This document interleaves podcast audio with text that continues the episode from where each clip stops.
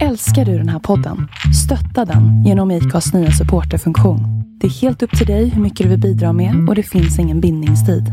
Klicka på länken i poddbeskrivningen för att visa din uppskattning och stötta podden.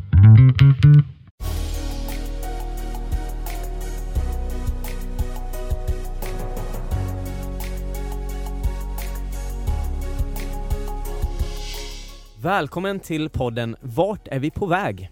I denna podd intervjuar vi sociala entreprenörer och andra personer som är involverade i ekosystemet kring socialt entreprenörskap.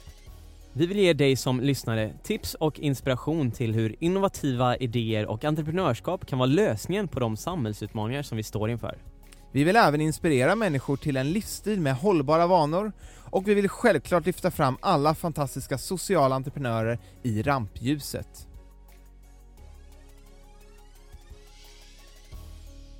Välkomna till dagens avsnitt. Den här gången med Hanna Lindqvist som är Communications and Customer Growth Manager på Trine. Trine är en plattform som ger dig som privatperson möjlighet att investera i en grönare framtid samtidigt som du får en hög avkastning tillbaka. Detta avsnitt spelades in på Göteborgs centralstation i SJ Lounge i samband med eventet SJ BizTalks. Eventet hade denna gång temat miljö och hållbarhet. I detta avsnitt får vi höra om Hannas uppväxt i Göteborg som hon beskriver som relativt lugn och vanlig. Hon har studier inom kommunikation och media på Göteborgs universitet i bagaget och har ett intresse för politik. Bland annat åkte hon över till USA och kampanjade under Obamas andra valkampanj. Hur hon hamnade på Trine och mer om vad de gör får ni höra i detta avsnitt. Ja, välkomna till dagens avsnitt.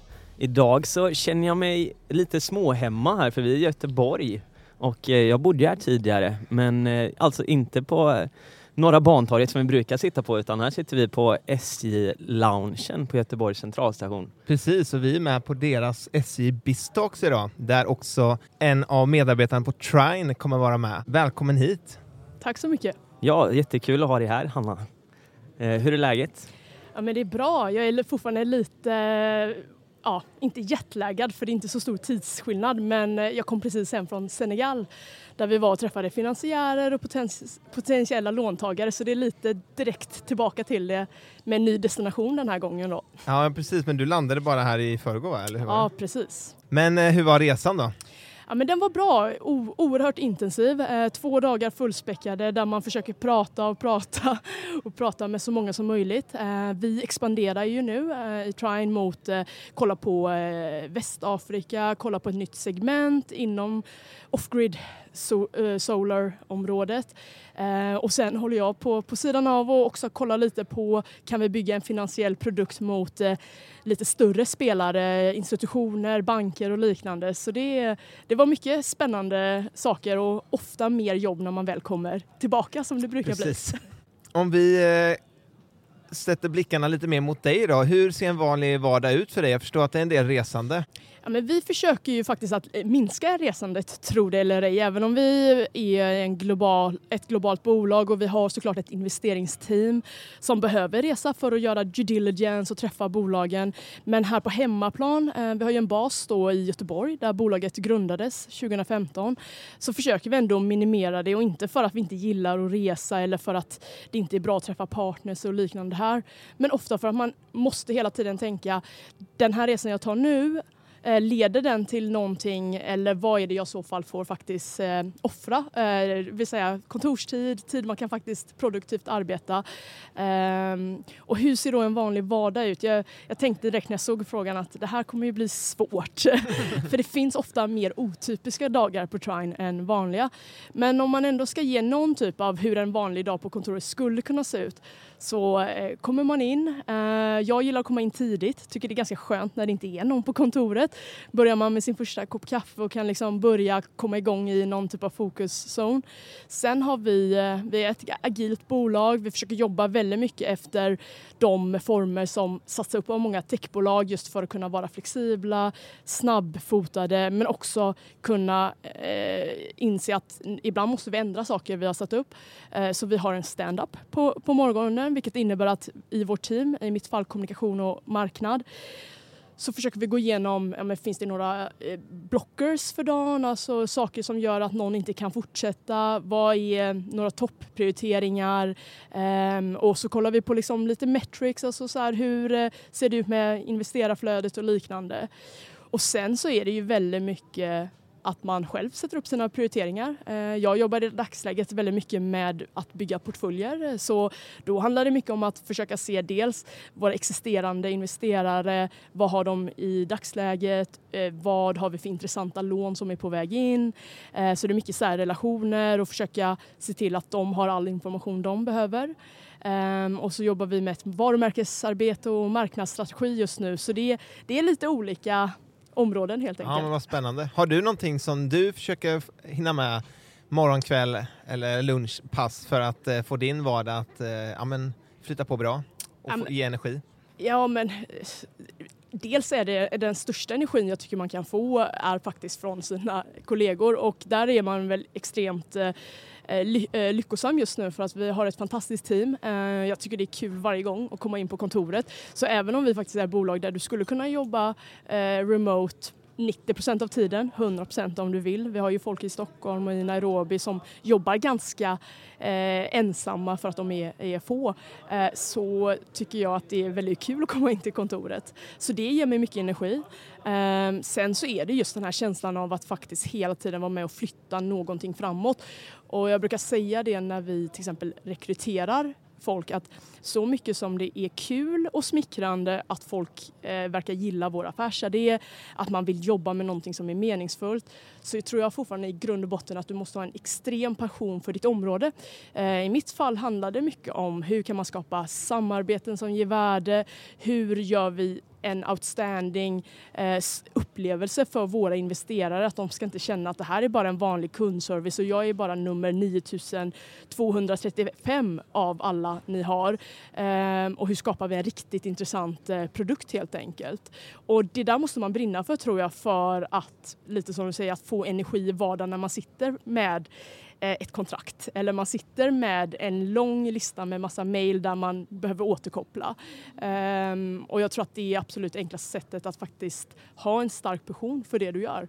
Eh, för annars blir de där eh, sakerna som egentligen kanske inte är så svåra men de är inte jätteroliga, de blir enormt tunga om du inte känner att det här är någonting jag faktiskt brinner för och, och vill vara med och utveckla.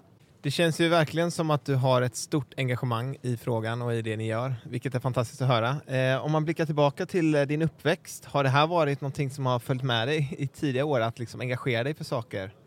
Ja men absolut. Jag eh, är ensambarn eh, och växte upp med mina föräldrar och har alltid varit, jag brukar beskriva det som att de alltid betraktade mig som en minivuxen. Alltså det vill säga, jag var fortfarande behandlad som en vuxen, vi hade mycket diskussioner Um, och jag var alltid en del av liksom, ska man säga, familjebeslut och liknande. Eh, även om jag såklart eh, ibland inte var så gammal eh, och givetvis fick såklart vara lätt off the hook för vissa saker som man är i den åldern men det där har ju präglat mig för att från väldigt liten ålder, jag är också uppvuxen i en ska säga, väldigt skyddad miljö ute i Torslanda som många som känner till Göteborg eller som känner till eh, nyhetsrapportering vet är ett av Sveriges eh, mer välbärgade områden. Och det är väldigt lätt att man får en väldigt, väldigt snäv bild av hur världen ser ut. Eh, för man träffar människor som är relativt lika, med föräldrar som har liknande bakgrund. Så från väldigt tidig ålder så kände jag att både Torslanda och världen och Göteborg och Sverige och allt, det, det fanns något mycket större. Så jag har alltid varit väldigt intresserad av samhällsfrågor, av olika eh, länder. Till exempel när jag var liten älskade jag att eh, ta reda på huvudstäder och kunde alla stater i USA och liknande. Det kan jag inte idag tyvärr, så det måste man plugga lite på. Eh, men alltid haft det där intresset och började engagera mig väldigt tidigt också eh, när jag väl insåg att det fanns plattformar för det under eh, gymnasietiden. Eh, vad var det för diskussioner ni hade där vid middagsbordet? Så? Ja, men det var mycket kring, tror jag, vardagliga saker, kring skolan, kring eh, hur... Eh, jag skulle väl ändå säga att jag haft ett rättvisepatos även om jag idag eh, också är ganska pragmatisk. Det är klart många är väldigt idealistiska när man är yngre. Man brukar väl, det finns väl så klassiska sägningar kring det där, hur det utvecklas med åren.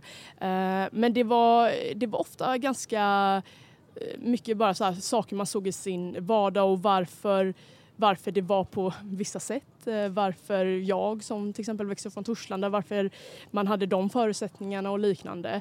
Ehm, och jag tror på ett sätt att det är ganska bra att mina föräldrar inte var så politiska för jag fick liksom lite när jag väl själv hittade andra plattformar både partipolitiskt och inom civilsamhället längre fram så fick hade jag alltid en bra referenscheck mot mina föräldrar som jag skulle kalla väldigt var, eh, vanliga medborgare i Sverige. Det vill säga man är lite halvintresserad men man är inte superinsatt. Eh, man bryr sig lite halvt, man tycker väl att politiken är lite, ibland är den väl bra, man röstar men man kanske inte tycker att eh, allt rör sig framåt superbra. Så det var en ganska bra referenscheck och det går jag tillbaka till ganska ofta även nu då när jag jobbar med Trine. I skolan då, vad var det som intresserade dig där? Ja, i, jag skulle säga fram till gymnasiet så var jag nog eh, lite halvt frustrerad eh, just för att eh, jag gillar att lära mig men jag har nog eh, väldigt tidigt insåg att just det här att kunna läsa, att vara bra på prov till exempel, eh, det är någonting som man kan ha en fallenhet för. Jag hade lätt för mig i skolan, typiskt fyller in klyschor efter klyschor här. Eh, men Eh, men jag tyckte också att det var ganska orättvist system. Eh, just för att jag hade skolkamrater som kanske inte hade det här läshuvudet som man traditionellt ser men som faktiskt kunde ha en diskussion kring det och analysera händelser på ett helt annat sätt än att bara rabbla årtal och liknande. Så jag tyckte liksom de första eh, åren i skolan var relativt icke-stimulerande för de formade folk i en box och de ganska tidigt klassificerade ut och där hade jag då kanske möjligheten att ändå Eh, för att jag kunde plugga. Jag hade relativt bra minne. Mina föräldrar ville ju hävda att jag hade fotografiskt minne. Det är jag inte så säker på men jag hade relativt bra minne och det gör lätt för dig när du har den typen av prov som man har ända fram upp till gymnasiet nästan i svensk skola. Ehm, men jag tycker ju om samhällsfrågor, eh, tycker om historia, tycker om saker som handlar om att ifrågasätta varför. Eh, så naturämnena var inte så intressanta då. Jag har fått ett nyupptäckt intresse för det idag skulle jag säga. Men då var det väldigt mycket, det här är rätt och det här är fel, det här har hänt, det här har inte hänt. Och för mig var det ganska eh, frustrerande att diskussionen avslutades där under skolgången och, och de åren eh, tidigt, var det något speciellt där som liksom har for, eh, präglat dig och format dig till att tänka så här liksom, i de här frågorna? Att liksom, det är inte rättvist? Och... Bra fråga. Ibland har jag funderat kring det i och med att man eh, såklart hade klasskompisar under den här tiden som kanske inte alltid själva eh, tänkte på det på samma sätt och liknande. Eh, men jag tror att mycket kommer från en nyfikenhet som jag haft väldigt tidigt i livet. Jag lärde mig att läsa faktiskt tror jag ungefär i förskoleålder genom att läsa Sportbladet för jag var intresserad av sport och då började jag läsa det. Eh, så jag läs, lärde mig liksom inte alltid sakerna i skolan utan mycket av just den här nyfikenheten på världen och på omgivningen. Och det är ju väldigt svårt att säga var det där kommer ifrån. Eh, Jag tror att delar av det kommer från att man får uppmuntring av att fortsätta vara nyfiken som från mina föräldrar. Eh, andra delar kommer från specifika lärare. Det är klart att det fanns bra lärare också under mellanstadie, högstadie, lågstadiet. Eh, sen att hela den utbildningen var stöpt på ett visst sätt, det, det är inte liksom lärarnas fel på något sätt. Eh, nej men så, så, så det, ja, det är väldigt svårt att säga liksom. Och jag ska säga att vissa av de här insikterna tror jag kom också senare när man blickar tillbaka också på sitt liv. Just i, i gymnasiet så tycker jag det blev väldigt klart att för många av dem i ens nya klass som vissa delade samma bakgrund som mig själv och andra hade helt andra så blir det ganska tydligt att men vi har ju aldrig mötts tidigare. Hur kan vi bo i en sån liten stad som Göteborg de facto är? Och här kommer människor som har helt annorlunda berättelser, erfarenheter och vi har aldrig korsats vägar innan. För man har hängt i sin egna stadsdel och, och de där insikterna stärker ju bara det om att världen är oerhört mycket större än den plats vi för tillfället eh, befinner oss på. Ja, det där är väldigt intressant faktiskt. Att, eh, det, det, kan man ha en hel diskussion om vad är det här hur vi, vi bygger ett samhälle där folk möts mer. Ja, och jag tycker vi märker ju det mycket också i det jobb vi gör i och med att vi kopplar ihop privatpersoner och eh, och investerar här från eh, Europa eh, i dagsläget med just de här bolagen som ofta verkar på platser i världen som folk ofta kanske bara har sett på, på TV eller man har en bild av det. Men man har, eller så har man rest någon gång men man har fortfarande en ganska tydlig bild av att är det inte så här i Kenya eller i Pakistan eh, utan att faktiskt veta hur ser företagsamhet ut där, hur lever människor och det faktum att det finns ju många samhällsklasser där också precis som det gör i Sverige. Det finns folk som har det bättre, det finns folk som är medelklass, det finns folk som har det sämre. Men vi har ändå en tendens att vi fortfarande lever ganska tydligt i att allt är en, en grupp. Och då är det så himla stort avstånd eh, så att folk kan ju bli så här wow, hur är det att bo i Nairobi? Och på många sätt ska jag säga att det är klart att det finns skillnader, men många sätt så är Nairobi eh, bara att bo i en oerhört mycket större stad än vad någon svensk stad är. Eh, inte helt olikt att bor man i London eller New York så kommer man få samma känsla av att jag bor i en storstad. Eh, och så. Men, men det finns fortfarande mycket att göra där i hur vi ser på världen och hur vi ser på varandra tror jag. Mm, så ett tips från dig kanske är att för, för, för unga idag att, att eh, ta alla möjligheter man kan att, att se världen och se omgivningen och lära sig. Ja, och framförallt tror jag förstå är nyckeln. Mm. Att inte komma dit med sitt egna, ja men det ska väl vara så här eller det är så här, utan vara ganska jag brukar säga till folk att jag jämför inte så mycket länder, städer, människor med varandra. För jag tror jämför du så kan du bara se det som skiljer åt. Eh, du kommer se att den här gatan är inte likadan som den jag går på i Stockholm. Men om du istället ser saken för vad den faktiskt är så, kommer, så blir det någonstans att det här är en gata, den är här, så är det liksom. Och jag tror att kan man ha det sinnet så blir det lättare att kunna ta in hur världen är konstruerad på många sätt. För just den här jämförelseleken som vi ser pågår mycket nu, den gör väldigt lätt att vi också skapar bara eh, polarisering och vi bygger, vi stärker nästan de fördomar vi har.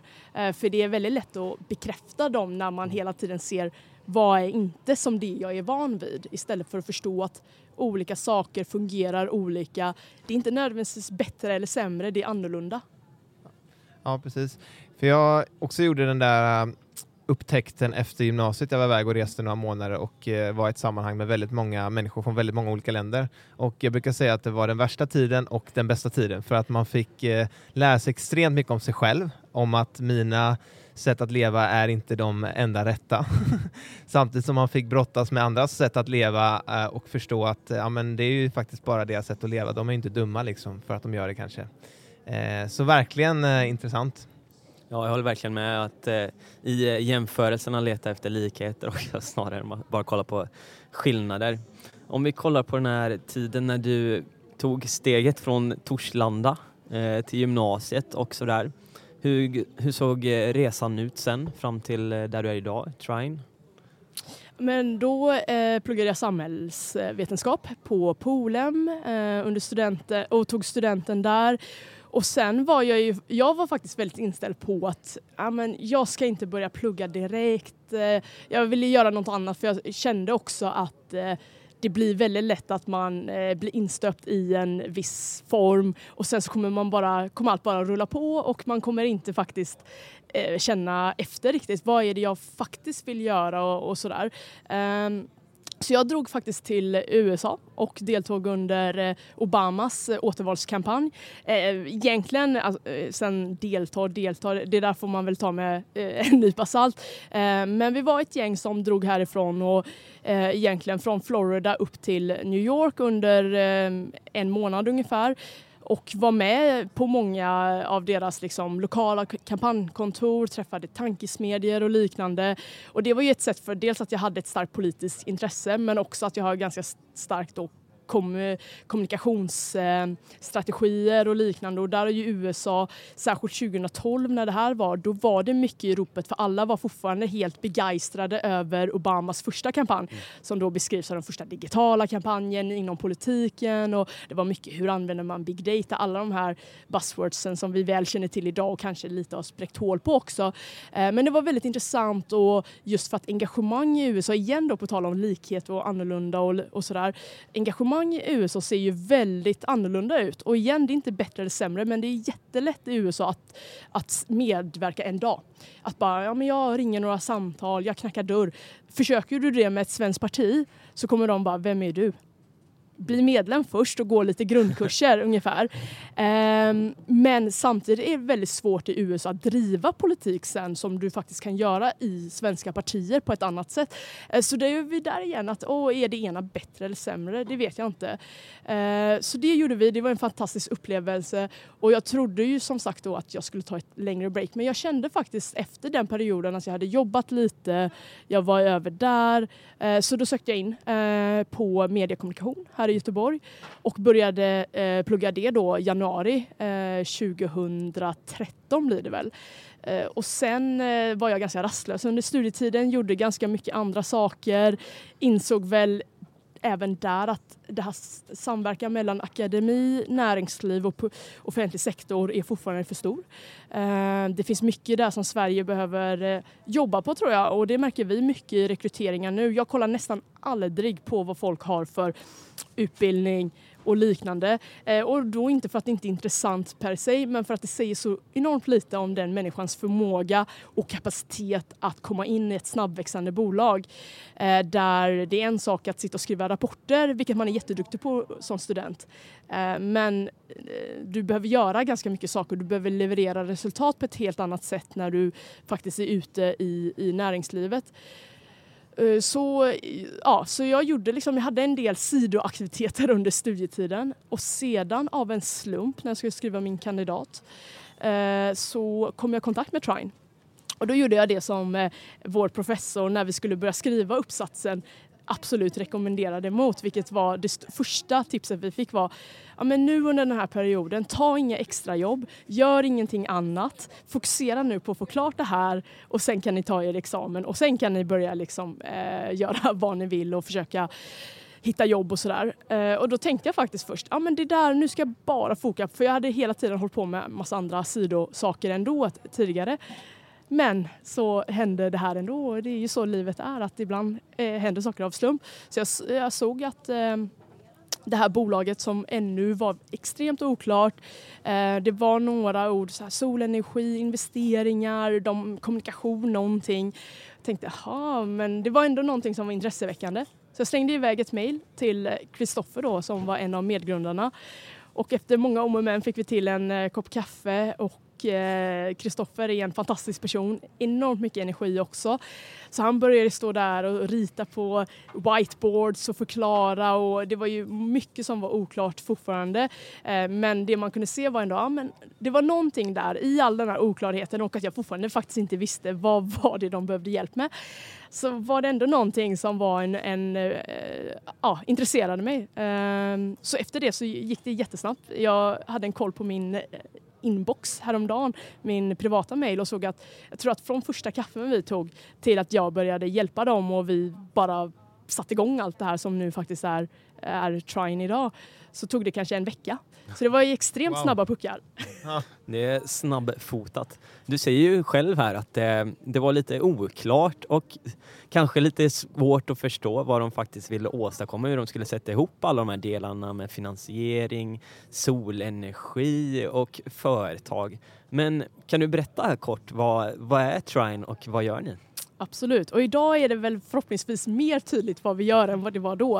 Eh, men i korta drag det vi gör är att vi hittar investerare eh, privatpersoner, företag, institutioner som vill att eh, helt enkelt att sina pengar ska både bidra till god eh, avkastning, eh, ekonomisk och miljömässig eh, nytta och social hållbarhet i längden.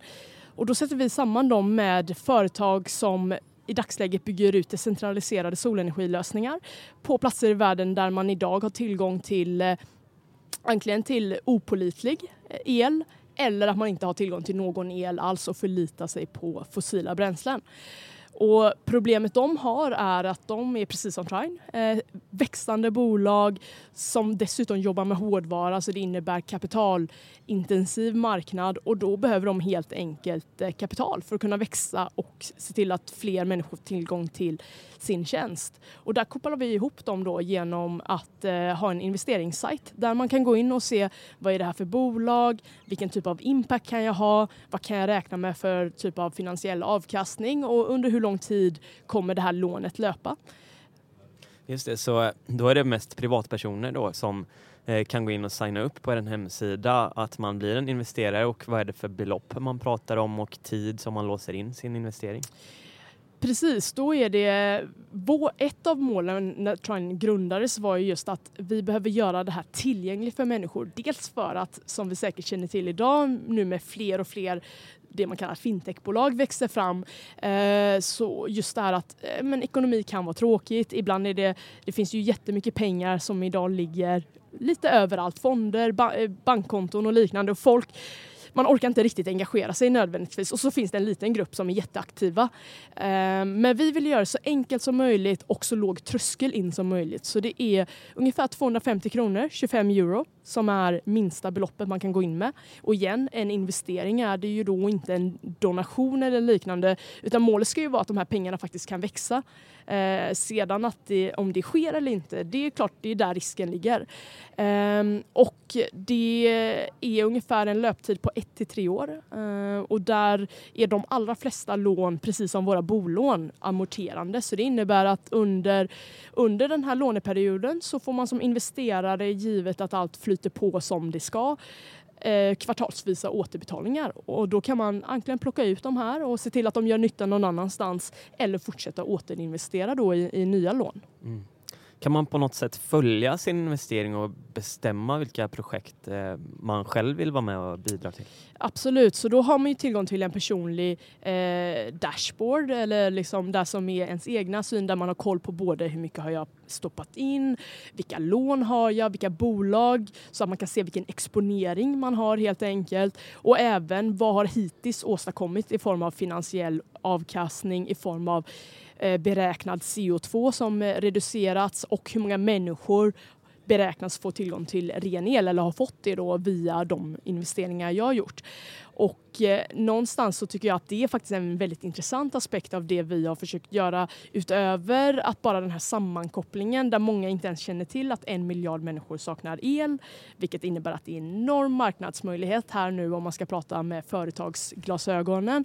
Men också att det finns så mycket spännande data här och där vill vi verkligen se till, eh, och det är pågående arbete, men vi vill göra investeringsupplevelsen så transparent, så nära som möjligt. Och då eh, jobbar vi till exempel idag i vår due diligence och vår uppföljning av de här bolagen jobbar vi med realtidsdata så vi får tillgång till deras eh, databas där vi kan se systemen, vi kan se hur många som installeras, vi kan se när de är uppkopplade, vi kan se när de får återbetalningar, vilket ger enorm stor nytta både i när man ska försöka utvärdera ett bolag och faktiskt se eh, vad, hur går det för det här bolaget men också såklart i uppföljning och när vi ska rapportera till våra investerare.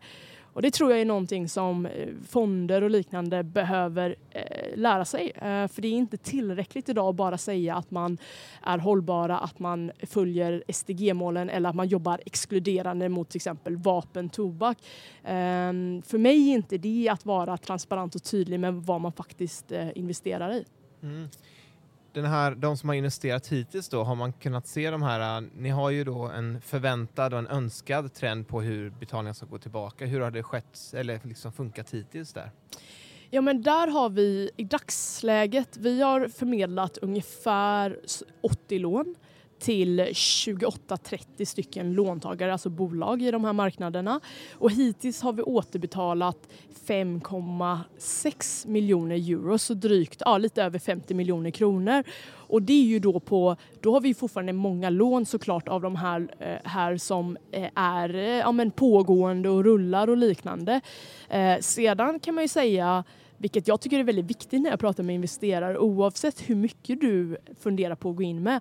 Ehm, så tycker jag att alla har rätt till exakt samma information och samma nyktra analys av läget. Och det är ju att kollar man på vår tidiga portfölj, alltså de första säg tio lånen, eh, så klart att de har en annan typ av profil och jag skulle väl säga att idag så är det många av de bolagen som inte hade kvalificerat in under vår due diligence. Eh, för det var mindre bolag, ofta en soloentreprenör och det vet ju alla även i Sverige att det inte är jättelätt att vara småföretagare och börja helt själv. Man får kämpa ganska mycket, behöver ganska mycket kapital och då är kanske ibland lånefinansiering tufft. Eh, för det betyder att händer någonting i marknaden, det kan vara någonting så som är lagförslag eller det kan vara att det blir enorm torka eller liknande där du har din huvudkundbas så kommer det slå hårt mot det bolaget. Och vi jobbar ju i dagsläget med de större, större bolag i den här sektorn som redan har ett ganska bra track record och som växer enormt mycket och faktiskt är pionjärer. Eh, så vi har, ju, vi har haft några lån som inte har gått enligt plan och där jobbar vi i första hand med att försöka åter ta så mycket kapital som möjligt. Eh, vi har i två fall eh, kunnat ersätta alla investeringar med kapital insatsen de gick in med genom då samarbeten med tredje part. Eh, men det är också en, en del av naturen och där ligger mycket av vårt ansvar på att utbilda människor att prata tydligt om riskerna. För jag är väldigt stor eh, tilltro till att ju mer du eh, säger, ju mer transparent du är, desto mer har du faktiskt möjlighet att låta människor ta sitt egna beslut och att det inte alltid är dåligt att säga att här är riskerna vi ser eller så här behöver du bedöma den här marknaden och den skiljer sig från kanske fondmarknaden i Sverige. Eh, för jag tror att det skapar en eh, förståelse hos människor hur man ska faktiskt utvärdera det här på ett bra sätt. Kan du berätta lite om hur idén till Trine kom till? Vi har ju flera grundare då, så det är Kristoffer, det är Andreas, Sam och Christian. Och egentligen kom ju idén till eh, Sam hade precis 2014, tror jag det var, flyttat hem från Nordamerika där han hade jobbat för Bosch med solenergi och investeringar i det och, och liknande och eh, kom väl hem och funderade på, jag vill starta en, en affärsverksamhet och jag vill att den ska ha impact också. Han hade till exempel träffat en väldigt intressant investmentbanker eh, från Wall Street som tryckte en bok i hans hand som handlade om just det här området man kallar eh, impact investing och triple bottom line och filosofier som egentligen grundar sig på att det finns faktiskt modeller där du inte behöver göra avkall på varken att tjäna pengar eller göra nytta. Och vad är då grundprincipen i det? Jo, men det handlar att om den produkt eller service du faktiskt utvecklar, om den i sin grundfundament har att nyttan ligger där, då betyder det att ju bättre bolaget går ur alla aspekter, eh, lönsamhet, eh, operativ verksamhet och liknande, ja men ju mer nytta gör ni. Ehm, det är ganska enkel faktiskt ekvation men det är förvånansvärt få som fortfarande har eh, adopterat den.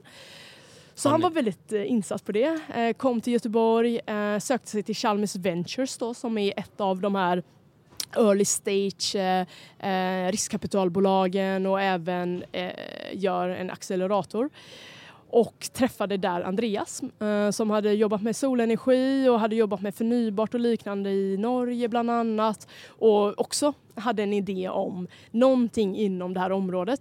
Eh, så de pitchade faktiskt två kanske snarlika men ändå olika idéer under ett event och insåg när de träffades att ja, men det här var ju väldigt nära eh, i tiden och eh, eller nära liksom varandra och sådär så då bestämde de sig för att börja utveckla den här idén och sen drog de in Christian och Kristoffer som respektive kände då. Och det var egentligen så idén föddes och den började lite kring det här, ska vi installera paneler? Och så insåg man i takt som man ofta gör när man utvecklar en idé att men vänta, det fanns ju jättemycket bolag som redan gjorde det här, som hade tekniska lösningen på plats, som hade teamet, som hade framförallt marknadskunskapen. Men varför var fortfarande tillväxten lite hämmad? Jo, bristen på kapital och framförallt bristen på ett tillgängligt kapital som var flexibelt, som var inte ockerpriser på det eh, i form av räntor och liknande.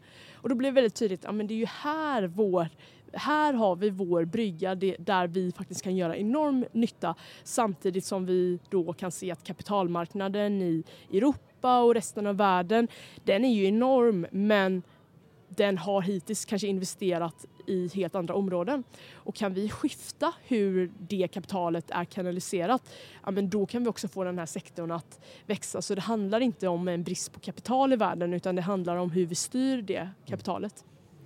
Just det här som Sam fick upp ögonen för i USA med triple bottom line som du säger att eh, man behöver inte ge avkall på finansiell avkastning för att göra impact. Eh, hur har ni sett att det här har fungerat för er faktiskt i praktiken?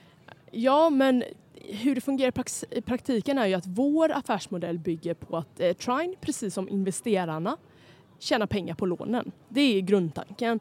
Det innebär också att även om vi inte investerar i lånen själva, eh, för det vore också konstigt när vi utvärderar bolagen och har investeringskommitté, eh, så tar vi ju en delad risk, eh, vilket då i praktiken innebär att säga att vi slänger upp ett lån på en miljon euro där du som investerare får en förväntad avkastning på 8% och Trine kanske också får ja men, säg 6 av den katten.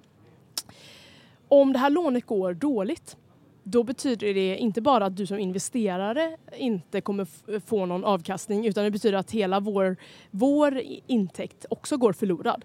Så vi har inget incitament att eh, slänga upp dåliga lån, att eh, att eh, göra due diligence som är lite slarvig och, och, liknande. För vi tjänar pengar på att de här lånen går bra. Eh, så utöver om man nu pratar om den här extremt snäva bara tjäna pengar-biten eh, så är det ju sen också alla andra bitar i form av partnerskap, att faktiskt vara med och bygga upp den här sektorn. Att ju mer pengar vi kan eh, se till kommer in i den här sektorn, desto mer jobb kommer vi skapa där, desto mer finansiärer kommer gå in och skapa nya möjligheter för andra. Eh, de här marknaderna är ju fortfarande enormt oupptäckta skulle jag säga, även om till exempel Kenya börjar bli så här ganska mogen nu så är det fortfarande så mycket marknad. Vi börjar gå in i Latinamerika. Där finns det jätte, jättelite inom det segmentet som kallar Solar Home System som är små hemmasystem. Så det finns väldigt mycket eh, fortfarande att, att göra. Och hur det har gått då? Jo men det beror ju på hur man ser på det. Det är klart att jag är lite insyltad i det här på ett sätt som gör att jag ser hela tiden bara vad kan vi göra bättre? Hur kan vi växa snabbare? Varför har vi inte kommit till punkt D och bara är på eh, liksom, punkt C just nu till exempel. Eh, men det är klart att eh, skulle man fråga någon utomstående så tror jag ändå att de skulle se att det här är ett bolag som har bevisat sin modell. Mm. Som har visat att det faktiskt går att inte bara få in kapitalet. För igen som jag sa, att pitcha Trine och vår idé och vår modell har varit ganska enkelt. Men för mig är det absolut viktigaste är att vi kan bevisa att modellen funkar hela vägen. Det vill säga vi måste kunna leverera åt avkastning. Vi kommer inte alltid att göra perfekta investeringar där alla lån kommer betalas till 100% Men vi måste visa att det faktiskt är precis som fonder och börsen att ibland går det upp, ibland går det ner, men det funkar överlag. Eh, grymt att ni ändå har lyckats vara ett levande exempel här nu då på att eh, triple bottom line, att göra gott samtidigt som man eh, gör business fungerar. Och ni, du har också varit nere i Afrika mycket. Du kom här från Senegal i helgen och har spenderat en tid i Nairobi eh, och sett hur det här faktiskt får påverka på plats också. Kan du berätta om den tiden som du har spenderat där nere och eh, hur har det varit? Ja, men det är ju ett väldigt stor, en väldigt stor förmån i eh, mitt jobb är ju att kunna vara nära båda sidorna. Jag spenderar till exempel majoriteten av eh, den tid jag varit i Triangle har jag spenderat med att verkligen förstå investerare, förstå de här bolagen vi jobbar med, både för att kunna analysera dem ur ett risk Eh, perspektiv men också i, i djupet förstå deras affärsmodell och då behöver man förstå vilka kunder de har, man behöver förstå förutsättningarna, man behöver förstå marknaden som kan vara helt annorlunda än marknaden i Sverige. Ehm, och det är klart att när jag bodde i Nairobi var det ju en enorm möjlighet att faktiskt träffa bolagen ofta, att vara med ute när de installerar systemen, när de möter sina kunder, när de gör eh, liksom, kundtjänst och liknande. För det handlar inte bara om att sälja ett system installera det och sen säga ja, men lycka till, ha det bra. Utan det handlar ju om att eh, faktiskt bygga en kundrelation som många av de här bolagen verkligen förstår och som har varit eftersatt på många av marknaderna. För jag brukar beskriva det som att eh, huvudmajoriteten av den målgruppen våra bolag har är en grupp som antingen har varit enormt beroende av bistånd där man har egentligen byggt upp ett, eh, ja, ett beroende av det, att biståndsprojekt och liknande och man har säkert menat väl men inte alltid lyckats eh, i, i att nå en hållbarhet i det där.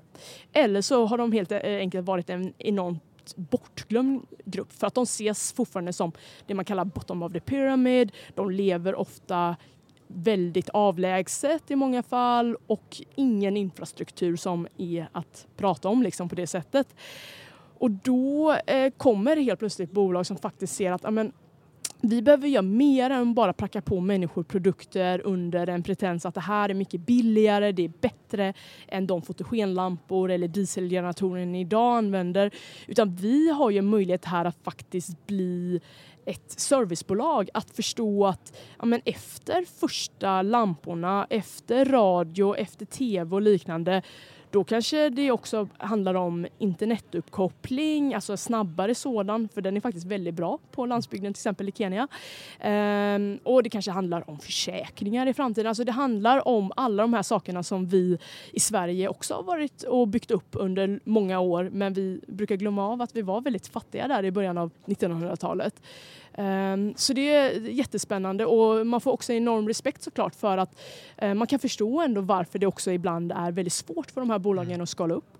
Varför en del av dem inte lyckas. För att i grunden är det enorm distribution och logistik eh, som de behöver sjösätta. Så även om alla systemen, jag har faktiskt med mig ett här som ska visa för alla på tåget idag eh, under SJ Biz Talks. Men de är uppkopplade till ett eh, system, precis som jag berättade om databasen. Eh, så man kan följa dem och liknande. Men du måste fortfarande få ut dem till kunden. Det kan vara två timmar, en timme. Jag åkte motorcykel ut med en partner för att liksom ännu snabbare nå de här kunderna.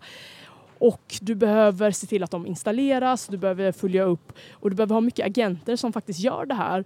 Och då kan man tänka sig att tänk om snittet säger är att kunna göra fem installationer per dag för en, en eh, installatör där nere.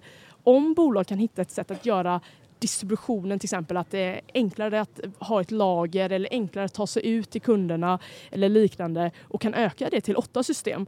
Eh, det låter inte så mycket men vissa av de här bolagen har tiotusentals agenter runt om i världen som jobbar för dem i 50-60 marknader. Så det är klart att kan de höja det genom att faktiskt få en bra maskin i sin eh, distribution, eh, ja men det är de bolagen som kommer lyckas. Det är de som kommer skala upp och det är de som kommer att förse mest människor med tillgång till de här systemen. Jättespännande att höra om, om din tid i Nairobi och att verkligen få vara nära kunden, vilket såklart är A och O när man bygger någonting, att veta hela tiden vad är kunden, vad är efterfrågan, hur kan vi lösa det här på bästa sätt. Också väldigt intressant att se hur ni, som du säger, istället för att uppfinna hjulet igen, tar del av det som finns. Och jag tror att det finns en stor nyckel i det och det har vi sett av många av dem vi har pratat med tidigare också, att hitta så här, vad finns det för befintliga grejer som vi kan stötta och, och bygga kring. Då.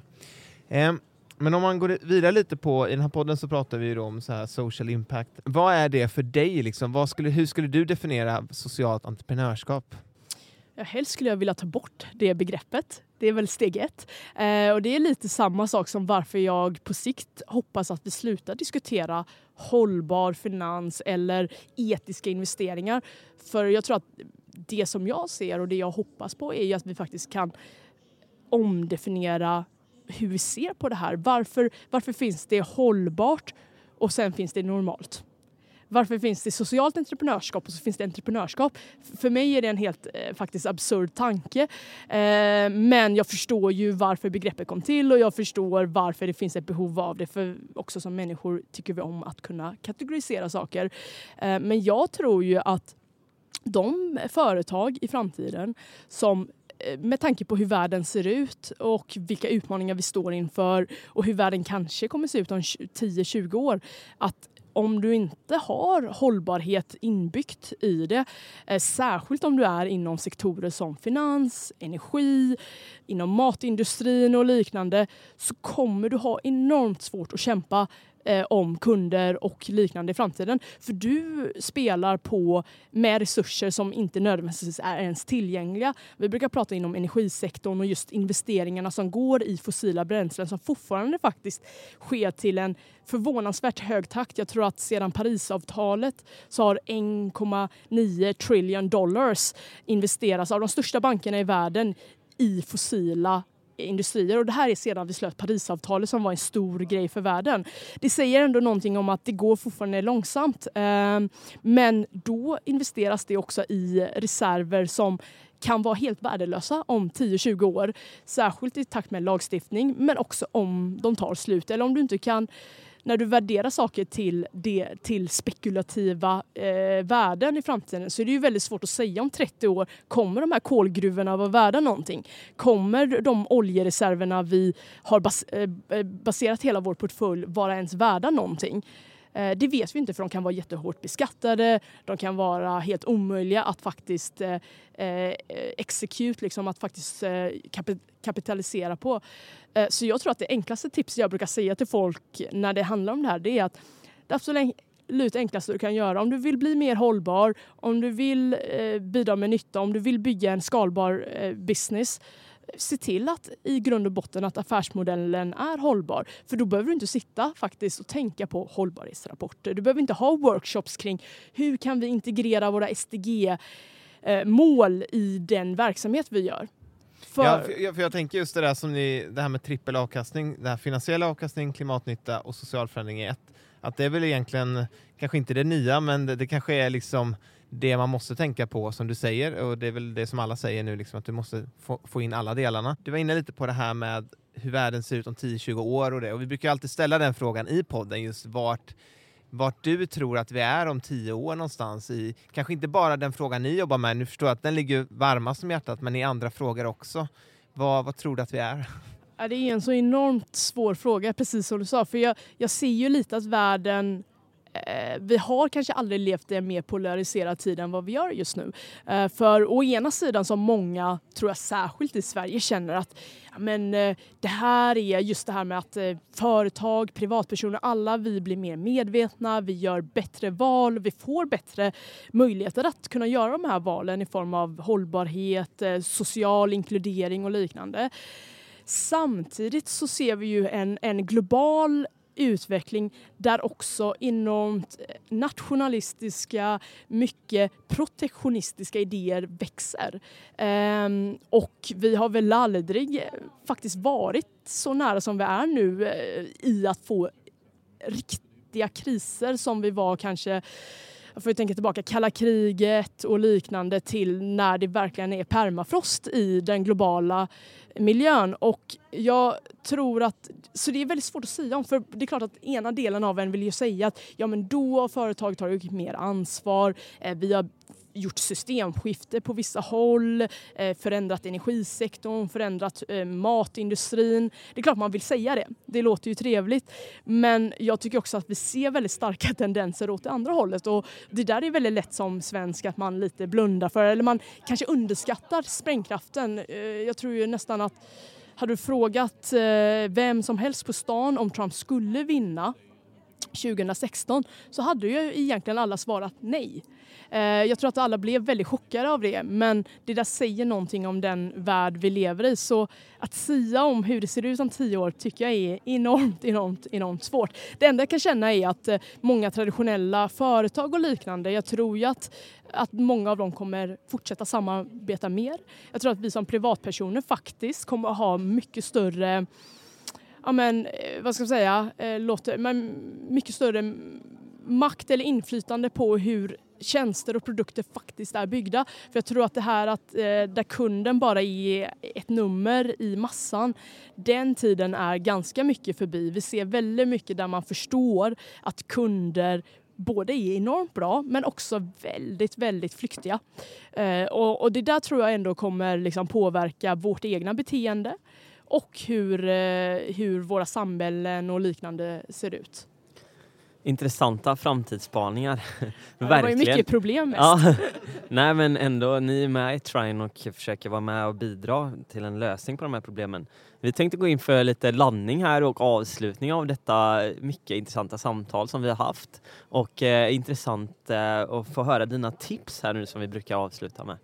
Eh, du jobbar ju med kommunikation på Trine mycket och eh, har pluggat det och sådär. Så vi tänkte, vi vill gärna suga ut lite tips här angående kommunikation och hur man kan lyckas kommunicera sin idé och kanske framförallt skapa awareness för det problem som man faktiskt vill lösa. Eh, har du något tips där? Ja, men, eh, testa, testa, testa enormt mycket. Jag tror att det var en av de eh, ja, aha-upplevelserna lite jag fick faktiskt när jag kom in i den här världen som är just eh, lite hypad i techbolag och liknande. Men det finns mycket. Det finns ändå en anledning till varför en hel del från Sverige har lyckats. Och det ligger, tror jag, en del av den förklaringen ligger väldigt mycket i det här väldigt experimentella arbetet man gör där man förstår att anta någonting är kanske det farligaste du kan göra. Eh, du kan anta något om du sedan testar det, men just det här att bara anta någonting att den här kampanjen kommer bli svinbra eller alla i Sverige kommer ju absolut gilla det här budskapet för det är ju så himla trevligt budskap eller vad det nu är. Så testa, testa, testa enormt mycket. Göra MVP, alltså ta en del av de här grejerna och vad menar jag då med MVP? Jo, men att om ni ska göra en stor marknadsföringskampanj eller kommunikationsstrategi, fundera kring hur, vad är det minsta komponenten i den här strategin eller det här projektet vi vill göra som vi skulle kunna testa för att få feedback. Eh, sen så är ju min generella, och den här tror jag att många kommer säga, men jag tror att många fortfarande har svårt att leva upp till det och det är ju att prata och förstå dem ni, ni ska eh, jobba mot enormt mycket och låt dem styra produkten och tjänsten. Eh, för det är helt onödigt att skicka ut enkäter till en grupp om man ändå har bestämt sig vi ska bygga den här tjänsten eller vi ska göra den här grejen. Eh, då är det ju mest eh, bara en, ja vi skickade ut lite pliktskyldigt en survey för att vi tyckte att det var intressant. Eh, vi låter våra investerare styra enormt mycket hur vi utvecklar vår tjänst. Eh, vi låter dem styra många av de funktioner ni kommer se på vår sida crime.com är just helt enkelt saker som våra investerare eller folk som inte ens är investerare men som har gått in på sajten och varit jag fattar ingenting. Eller varför har ni inte det här? Och då har vi liksom sett, ja ah, men nu var det inte bara en person utan vi ser ett mönster här. Ska vi inte testa och bygga in någonting för att se vad vi får för respons? Ja men eh, grymma tips, inte bara kommunicera utåt eh, hela tiden utan också ta in den kommunikationen som kommer utifrån för att bygga sin tjänst eller Och det är produkt. väl ingen nyhet egentligen men just det här att leva som man lär är Ja. väl det absolut svåra. viktig lärdom. Ja men det är ju så. Och ett socialt företag eller impactföretag vad man nu vill kalla det som du tror på lite extra. Oh, det finns faktiskt förvånansvärt många i Sverige nu tycker jag. Och det är också en rolig trend. Vi pratade mycket om Trine nu men jag är också enormt glad och stolt eh, över alla de här framväxande. Eh, jag gillar ju Karma jättemycket. Det tror jag många i vår befolkning gör. Eh, jag tycker Transfer Galaxy är ett bolag att spana in. Eh, ett gäng från Vivalla som har skapat en eh, en, en eh, transaktionstjänst som ska slå ut just eh, lite dyrare dyrare alternativ som Western Union och liknande där du ska kunna överföra pengar.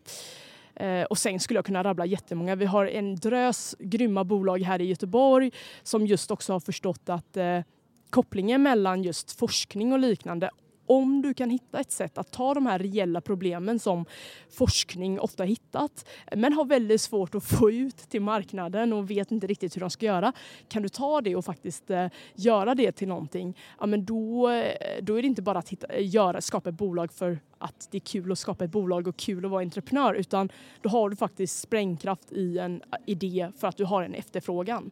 Och om du får välja en person som du skulle vilja se här bli intervjuad i podden Vart är vi på väg? Har du någon sån här på tungan som du vill säga?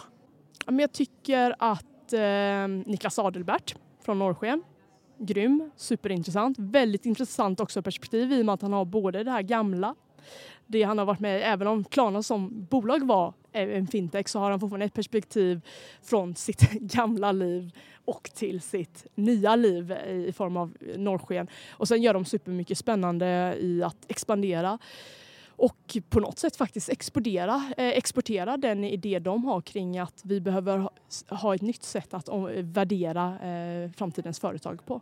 Grymt! Tack så mycket för eh, det här fantastiska samtalet som vi har haft idag. Ja, verkligen kul. Och vi har ju suttit här eh, SJ Lounge här i Göteborg idag, så att eh, det har varit lite surr här omkring, men det är också skönt att eh, sitta mitt i pulsen och, eh, och prata här. Eh, och vi ska vidare på tåg tillsammans med dig idag, där ni ska bland annat prata om ert företag.